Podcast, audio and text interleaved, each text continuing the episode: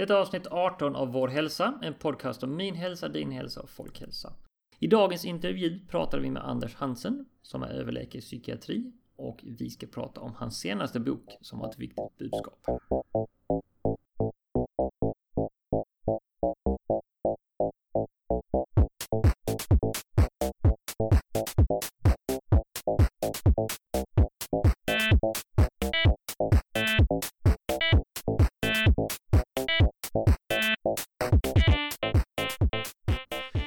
Lyssnare! Andreas här och välkommen till Vår Hälsa, en podcast om just vår hälsa. Om det här är första gången ni lyssnar, så tack för att du testar något nytt och väljer mig. Den här podcasten publicerar avsnitt varje måndag och torsdag och lägg gärna till podcasten till dina favoriter eller till iTunes till exempel. Och du kan också följa mig på Facebook, bara sök upp vårhälsa.nu. Hej och välkommen till Vår Hälsa och eh, idag har vi en intervju med en överläkare i psykiatri, Anders Hansen. Hejsan Anders! Tjena! Så vem är Anders Hansen och vad har du för bakgrund? Jag är läkare och psykiatriker och eh, kommer från Stockholm och arbetar i Stockholm på Sofiahemmet på en psykiatrisk mottagning där. Och sen skriver jag en del böcker också. Jag, har skrivit, ska jag säga, om medicinsk forskning i, i ganska i 15 års tid för Läkartidningen och för en tidning som heter British Medical Journal och ytterligare ett antal tidningar. Sen så har jag skrivit två böcker, bara den senaste boken då kom eh, häromveckan och heter Järnstark. Precis. Vad handlar den här Järnstark om? Ja, alltså bakgrunden till att jag skrev boken var att i och med att jag följer med medicinsk forskning nära så alltså har jag sett hur det har kommit de sista åren otroligt spännande studier kring hur hjärnan påverkas av att vi är fysiskt aktiva. Och det visar sig att hjärnan är, är otroligt viktigt för hjärnan att, att vi rör på oss. Jag tror att de flesta känner till att man mår bra av att röra på sig. Men det den här forskningen visar är att det är oerhört viktigt för i princip alla tankemässiga förmågor.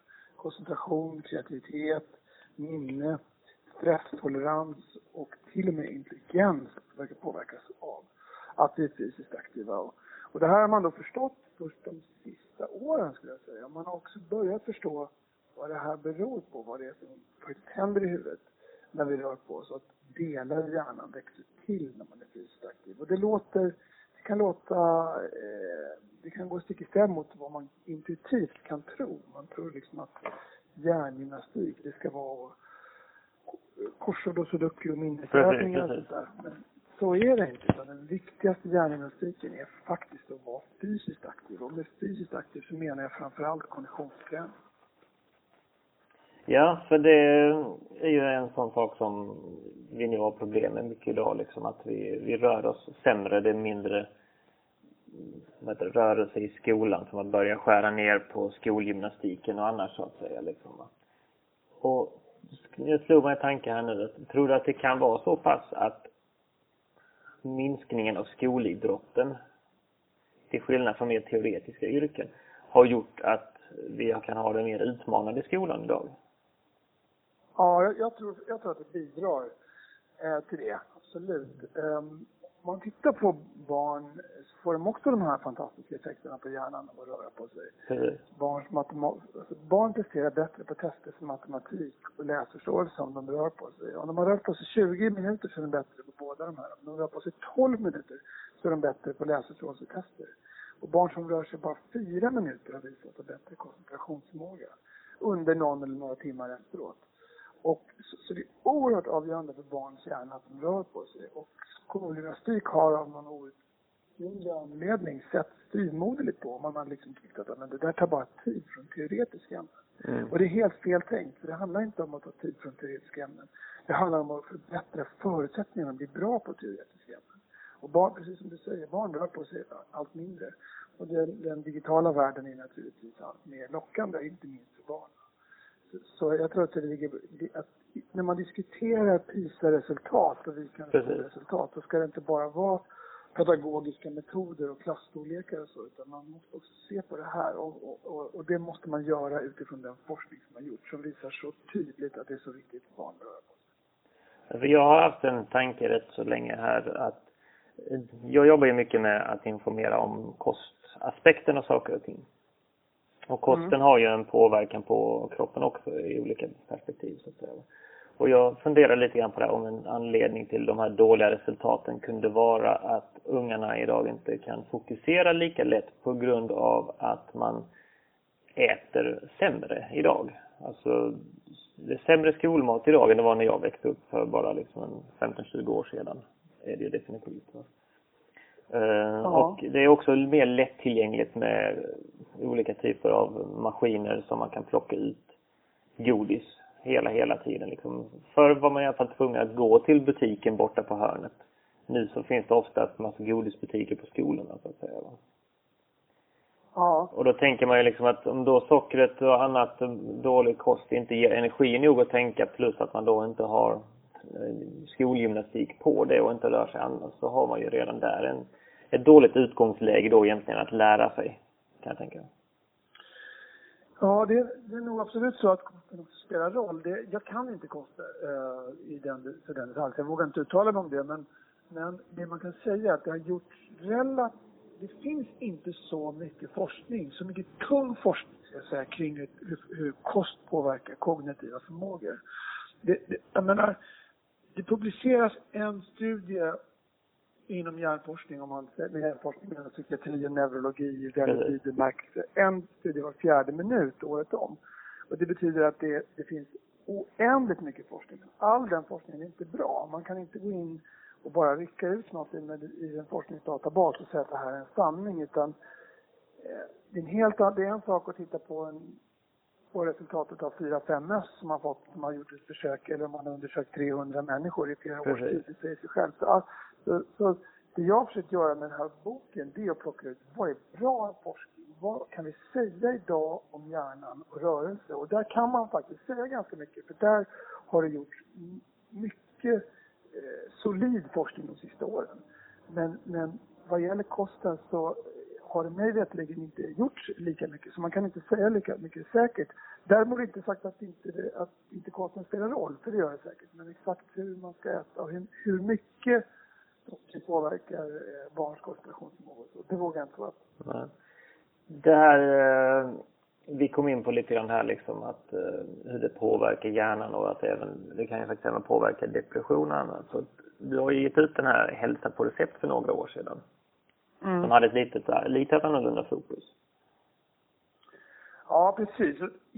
Bakgrunden till den boken då, så, det var att jag, jag skrev den med en kompis som är, eh, som var läkare och professor på KI som heter Carl-Johan Stundberg. Och vi, och han eh, har också under många år följt med medicinsk forskning väldigt noga. Och han och jag sa det för ett år sedan att det här är ju helt sjukt vilka ofattbart starka data som kommer kring, kring fysisk aktivitet. Eh, och påverkan på många områden, inte bara hjärnan utan påverkan på risk för sjukdomar, påverkan på åldrande, hur det påverkar våra gener, för det gör det. Eh, och så sa vi det att den här seriösa tunga forskningen som nästan alla är intresserade av, den drunknar liksom i, i eh, hälsorapporteringen som ibland är alldeles för mycket floskler. Så det finns liksom en plats för att visa den här tunga, riktigt tung science, vad, vad den säger och vad, vad, vi tycker, eller vad vi kan säga om eh, det här vetenskapligt idag. Så vi presenterade den idén att skriva en sån lättillgänglig, lättfattig bok där man skulle förstå och då så sa Bonnier att absolut, den. och så gjorde vi det och så kom den ut för två år sedan och så eh, och vi hade ingen aning om hur den skulle tas emot, men den, den togs emot väldigt bra. Den blev omskriven och den sålde mycket mer än vi hade vågat hoppas och den såldes till nio länder och sådär.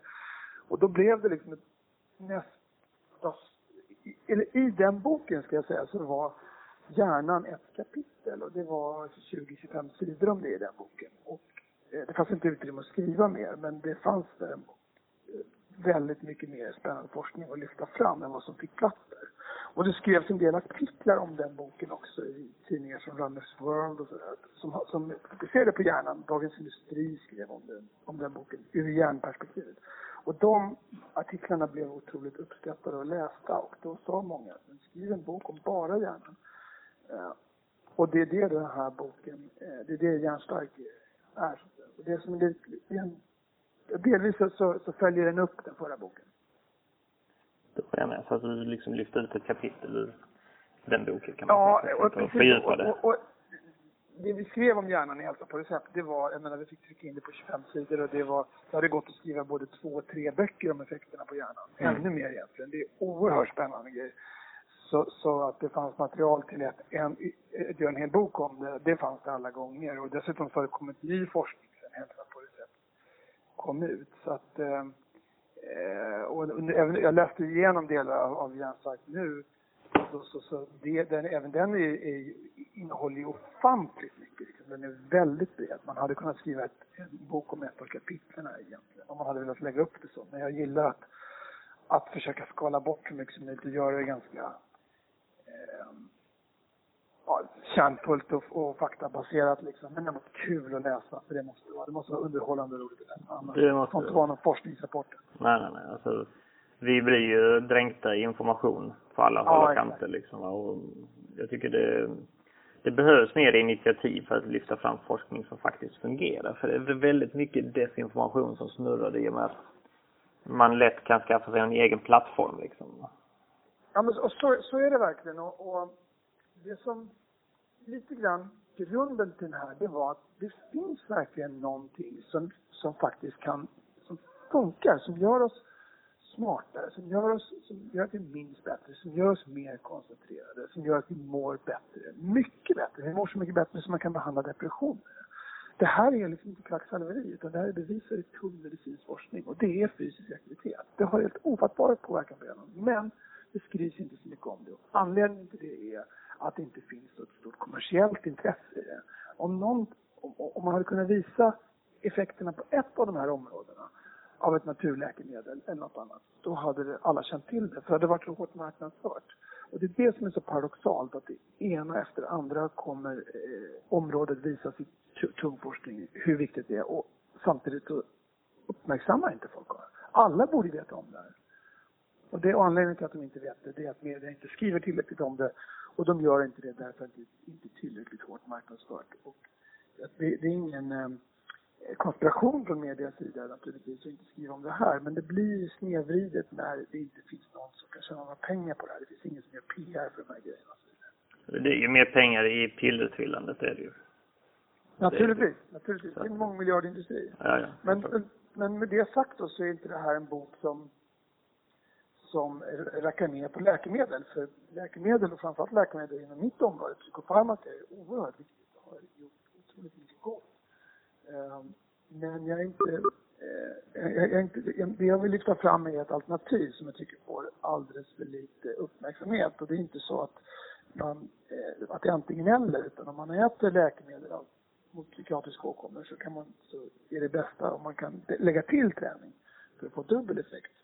Och med det och, och vill jag också understryka att man ska absolut inte mixtra med det här själv. Utan äter man depressionsmediciner eller något annat så ska man fråga, fråga sin doktor innan man börjar sänka dosen eller byta ut den mot en löpkur. Det ska man inte experimentera med själv. Absolut, absolut. Allting man gör ska göras under överseende av någon kunnig så att säga. Men just det här när vi kommer in på det här med depression och sådant och stress. Eh, för depression är ju oftast resultatet av långvarig stress och ångest. Eller många Mm. gånger i alla fall så att säga.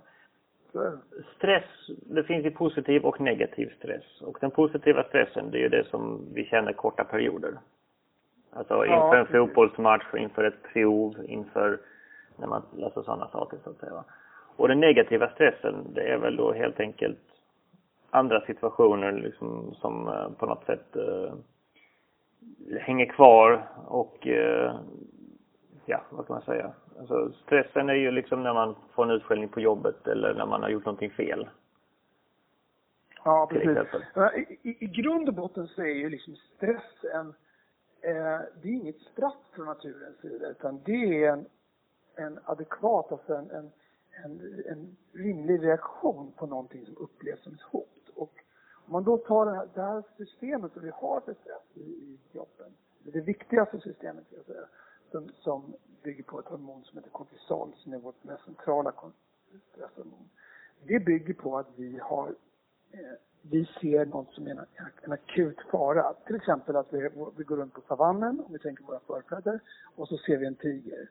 Och så, då, då, då är det här en potentiellt livsfarlig situation. Det som kommer hända då är att hjärtat slår snabbt och hårt och kortisolnivåerna stiger.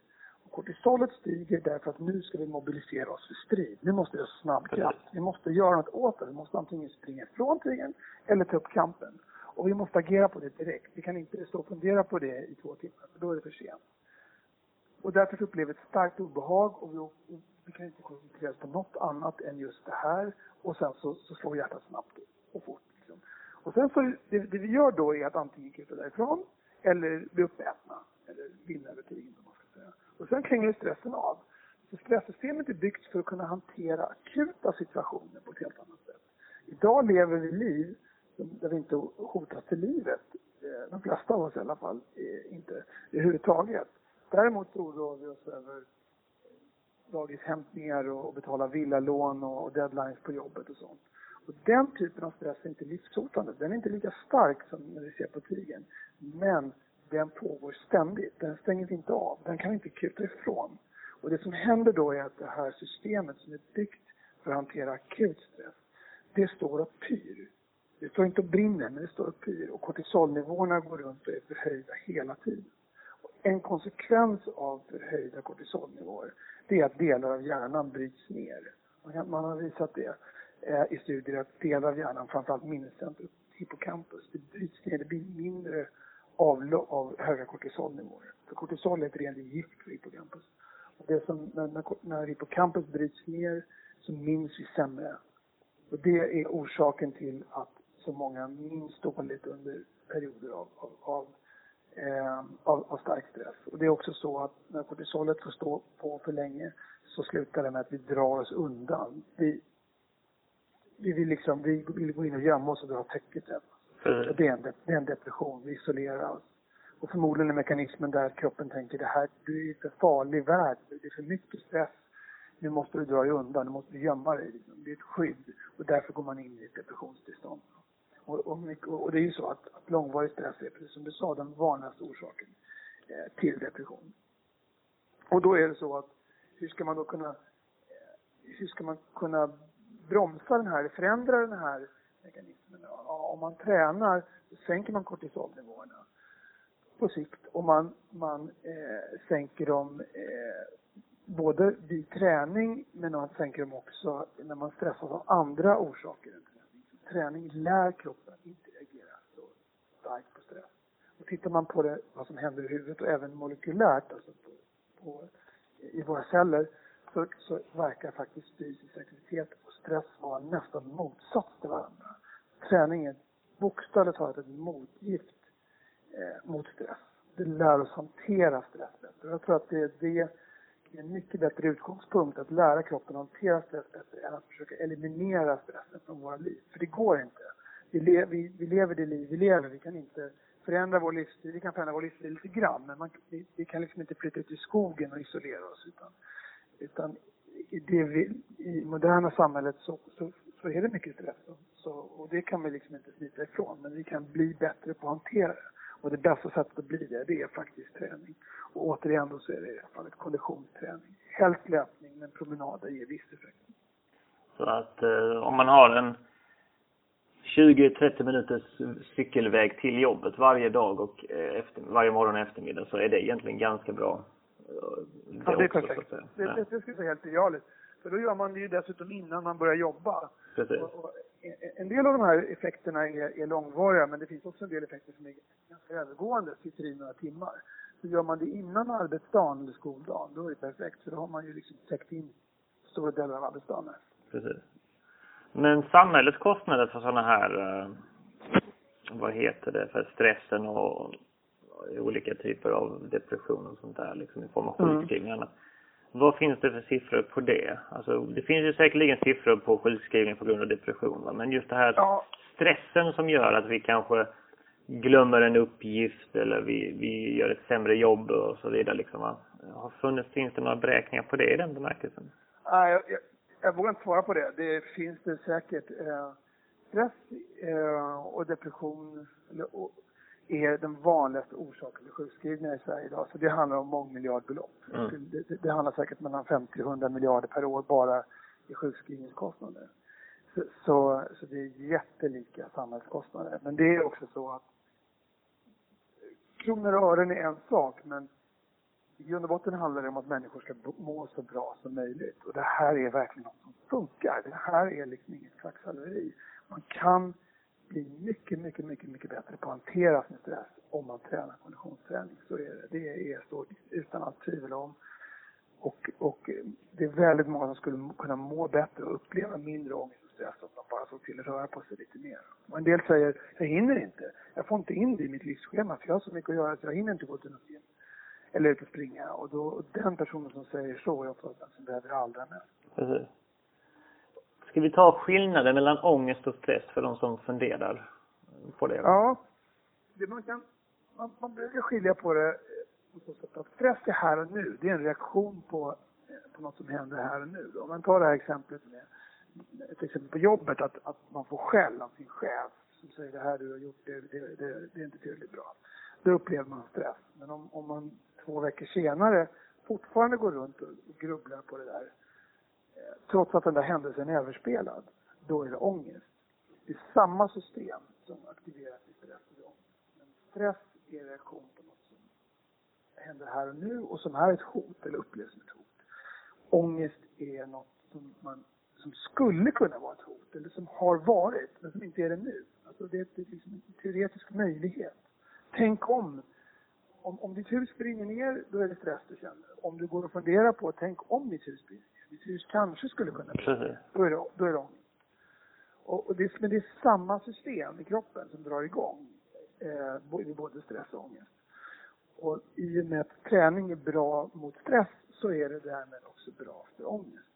Det är faktiskt eh, det är också bra för väldigt stark ångest. Man har till exempel låtit människor, man har injicerat ett ämne som, som skapar panikångest. Det finns ett, ett, ett ämne som skapar panikattacker. Och det här har man då till väldigt modiga försökspersoner gett en spruta av det här. Och det som händer då är att folk, då får man en panikattack. Och panikattack är en känsla av oerhört kraftigt obehag. Man kan ha andningssvårigheter, man upplever att man, man tror man ska dö. Yep. Hjärtklappning. Många åker in på akuten vid panikattacker och tror att de har fått hjärtinfarkt. Om man då, om man då ger en människa eh, som aldrig haft en panikattack det här ämnet, då får nästan alla en panikattack. Om man låter dem cykla på motionscykeln först och sen får det här ämnet, då är det bara hälften så många som får panikattack. Så, så fysisk aktivitet är, är ett, ett, ett, har en direkt förebyggande effekt mot panikattacker. Och panikattacker är, är den starkaste formen av ångest som finns i princip. Och om det hjälper mot så stark ångest, då hjälper det också mot den här mera vardagsångesten eller så, som så många kan uppleva. För jag har ju en, en liten historia. Jag har haft panikångest själv för ett tiotal år sedan. Och eh, det var ju naturligtvis ett mindre helvete på många sätt och vis. Eh, där man, jag var inne vid fyra olika tillfällen och kollade hjärtat och massa sådana olika saker liksom. Och vågade inte åka buss själv men samtidigt vågade jag inte vara hemma själv och därför det var liksom, spelade ingen roll, det bara följde efter en som en, det var som att man hade en blöt filt över sig, det spelade ingen roll. Det fanns alltid, vilken situation den var så fanns det någonting som ångesten liksom blåste upp så att säga. Ja, den, den resonerar inte logiskt, den, den skär igenom allt sunt och förnuft liksom. Och den bästa beskrivningen jag nog har hört av panikångest är rätt reaktion vid fel tillfälle. Ja, lite grann så här liksom. Du, du, liksom din hjärna tror att du blir överfallen av eh, ett pack hundar som ska slita dig i stycken. Men allt som mm. var var liksom att du missade bussen eller något annat mm. liksom. Och eh, i mitt fall så blev det ju liksom att genom att man fick det här, eh, vad ska man säga, man trodde man hade fått problem med hjärtat så slutade man ju träna. Man ska ju ner på träningen vilket då mm. leder till spiral att man mår sämre och sämre så att säga. Och det som fick mig att komma loss ur det där, det var väl dels att jag började springa. Men också att jag liksom började se över vad jag åt för någonting. Och då liksom mm. har jag, peppar peppar, inte haft en kraftfull panikattack på 6-7 år i alla fall. Och det är ju liksom Nej. att jag rör mig bättre och sånt där va. Jag kan, jag kan få känningar om jag har rört mig dåligt eller ätit dåligt att det ligger någonting och gror men det blossar aldrig ut liksom. Va? Och det är liksom för att, men som du säger va, det fanns ju kanske inte i all den här informationslavinen som fanns så var det kanske lite svårt att hitta den informationen då. Utan det var bara liksom mm. en teori man liksom lite grann tog sig fram själv. För att svaret många gånger var ju liksom att uh, man frågade, eller man blev tillfrågad om man skulle äta tabletter istället. Mm. Men jag ville aldrig börja med tabletter, vilket säkert förlängde förloppet på ett sätt. Va? Men samtidigt så vet jag liksom att jag behöver inte tabletter för att hantera min situation. Nej, precis. Så att säga, va? Utan det jag behöver tänka på det är hur jag rör mig och hur jag äter och då har jag inga problem. Sen att, bli, ja, att bli pappa har ju också gjort att eh, panikångesten har försvunnit för att allting är ju helt irrelevant. Så sett liksom, så länge han mår bra mår jag bra. Sen allt annat runt omkring är faktiskt inte, är faktiskt inte viktigt eh, på ett sätt. Nej. Många som beskriver det att de får mindre besvär också när de blir föräldrar. Eh, alltså, att, att du inte kände till det, att, att det är viktigt att träna, det är inte så konstigt. Man har, man har, under lång tid så trodde man att människor som hade panikångest, de skulle undvika att träna. Mm. Och eh, av den anledningen att eh, då får man upp pulsen och kroppen kommer att tolka pulsökning som en hotande panikattack. Så de personerna bör, ta, ska ta det lugnt. Så de ska vara stilla. De ska absolut inte vara ute och springa. Men då vet vi att det är helt fel. Det är totalt fel. Det är de personerna som har panikångest. De behöver konditionsträning allra mest. Men, det är ett stort men, man får börja försiktigt. För om man, bör, om man är otränad och har panikångest och börjar köra någon slags hård läpp, mm. läppprogram, då finns risken att kroppen tolkar den här pulsökningen som en hotande panikattack och att en sån dras igång. Då. Så man får börja försiktigt och trappa upp långsamt.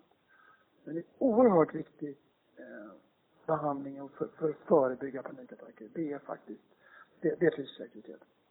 Det... Och, och så, återigen, det, det här att det, det är den kanske allvarligaste formen som finns av, av ångest. Och om det funkar mot så stark ångest, då, då är det också fullt rimligt att det funkar mot den här vardagsångesten, eller vad man ska kalla det för, som, som, som många upplever i samhället idag. Precis. Är du själv en hälsosam människa, liksom tänker på vad du äter och hur du tränar och liknande så att säga? Ja, jo men det är absolut. Det har jag nog hyfsat. Jag, jag springer inga långlopp. Um, och uh, jag, jag, gör det jag tycker det är kul i, i sportväg. Vilket är att spela tennis och fotboll och sen så lite så styrketränar ibland om det inte finns något annat. Jag gör någonting varje dag. För det, mm. och jag mår, jag märker att det saknas. Om jag, på, när jag inte gör det på semestrar så här, då känner jag att det är något som inte riktigt stämmer liksom. Och, och så, eh, så att jag, jag vill göra något varje dag. Men, jag, jag, tror, jag tror inte jag äter varken bättre eller sämre än, än någon annan. Men, men det som är viktigt, det jag vill få fram med, den här boken mycket är att det behövs inte några långlopp och, eh, för att få de här effekterna. Utan man, det är relativt lite träning som man får de här effekterna på hjärnan av.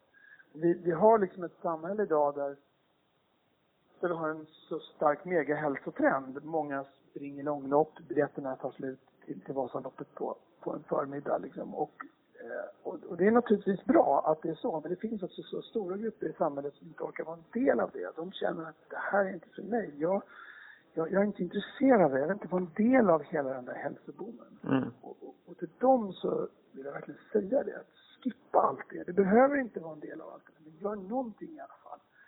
För det handlar inte om att bli sportig, utan det handlar om att huvudet ska funka så bra som möjligt. Det handlar om att din hjärna ska fungera så bra som möjligt. Och det det budskapet tar en hel del personer till sig som inte har gillat att träna i övrigt. Precis, det är lite grann att man behöver inte gå all out och köra sju timmar i veckan liksom, utan 20 minuter om dagen, man får pulsen igång, har jag förstått det som. Ja, ur hjärnsynpunkt så brukar man säga att man ska, alltså promenera är bra men, men är bättre att springa och eh, om man ska hålla på mellan 30 och 45 minuter. Mm. 30 eh, och man ska göra det tre gånger i veckan. Om man ska bli svettig att spela, om man springer eller cyklar eller simmar eller vad man gillar att göra, det spelar ingen roll. Det är intensiteten som räknas. Precis. Om man då bara håller på en kvart, ger inte det någon effekt då? Jo, det gör det. Det är naturligtvis också effekt. Men, men det verkar som att för att få full effekt så ska man hålla på en halvtimme, en halvtimme till 45 minuter. Om man håller på mer än så, då får man ingen ytterligare effekt. Så ska man säga. Så den, den som är med i maraton och, och Ironman eh, är inte med ur en hjärnsynpunkt. Så kan man säga. Det är naturligtvis jättebra att springa sådana långlopp, det är inget fel med det. Men det gör man inte för sin hjärna utan så, lång, så kraftig belastning behövs inte. Nej. Perfekt. Anders, tack så jätte, jättemycket för eh, att du tog dig tid att prata om din Mm. bok och om hur vi kan må bättre. Det är ju som vi har nämnt ett, eh, ett område som kanske skulle behöva ha lite mer fokus så att det faktiskt kan börja hjälpa människor. För att eh, som sagt, det finns mycket bra piller där ute men det finns också en attityd ibland att man ger piller och sen så ser man vad som händer med det istället för att ordinera träning, vilket nu hade varit bättre många gånger. Jag tror vi lever i en tid där vi ska är väldigt... Dels ska vi sätta en psykiatrisk diagnos på alla tänkbara psykiska obehag och sen så ska alla diagnoser lösas med en tablett. Och, eh, och det, vi måste kliva ifrån det lite grann och se mer på vår livsstil också. Det, det är inte så konstigt att vi mår som vi gör när, när vårt samhälle ser ut som det gör och när vi är byggda på ett helt annat sätt än det liv vi lever. Och då är liksom, då är fysisk ett, ett, ett sätt att kliva tillbaka till det liv vi är utvecklade för skulle jag säga lite grann. Precis. Med de orden så avslutar vi intervjun. Anders, tack så jätte- jättemycket och lycka till med boken här framöver. Ja, tack. Det var allt för vår hälsopodden den här gången. Jag hoppas ni tyckte om dagens avsnitt och att vi hörs igen. Ha nu en riktigt bra dag och glöm inte, bättre hälsa börjar med ett beslut. Ditt.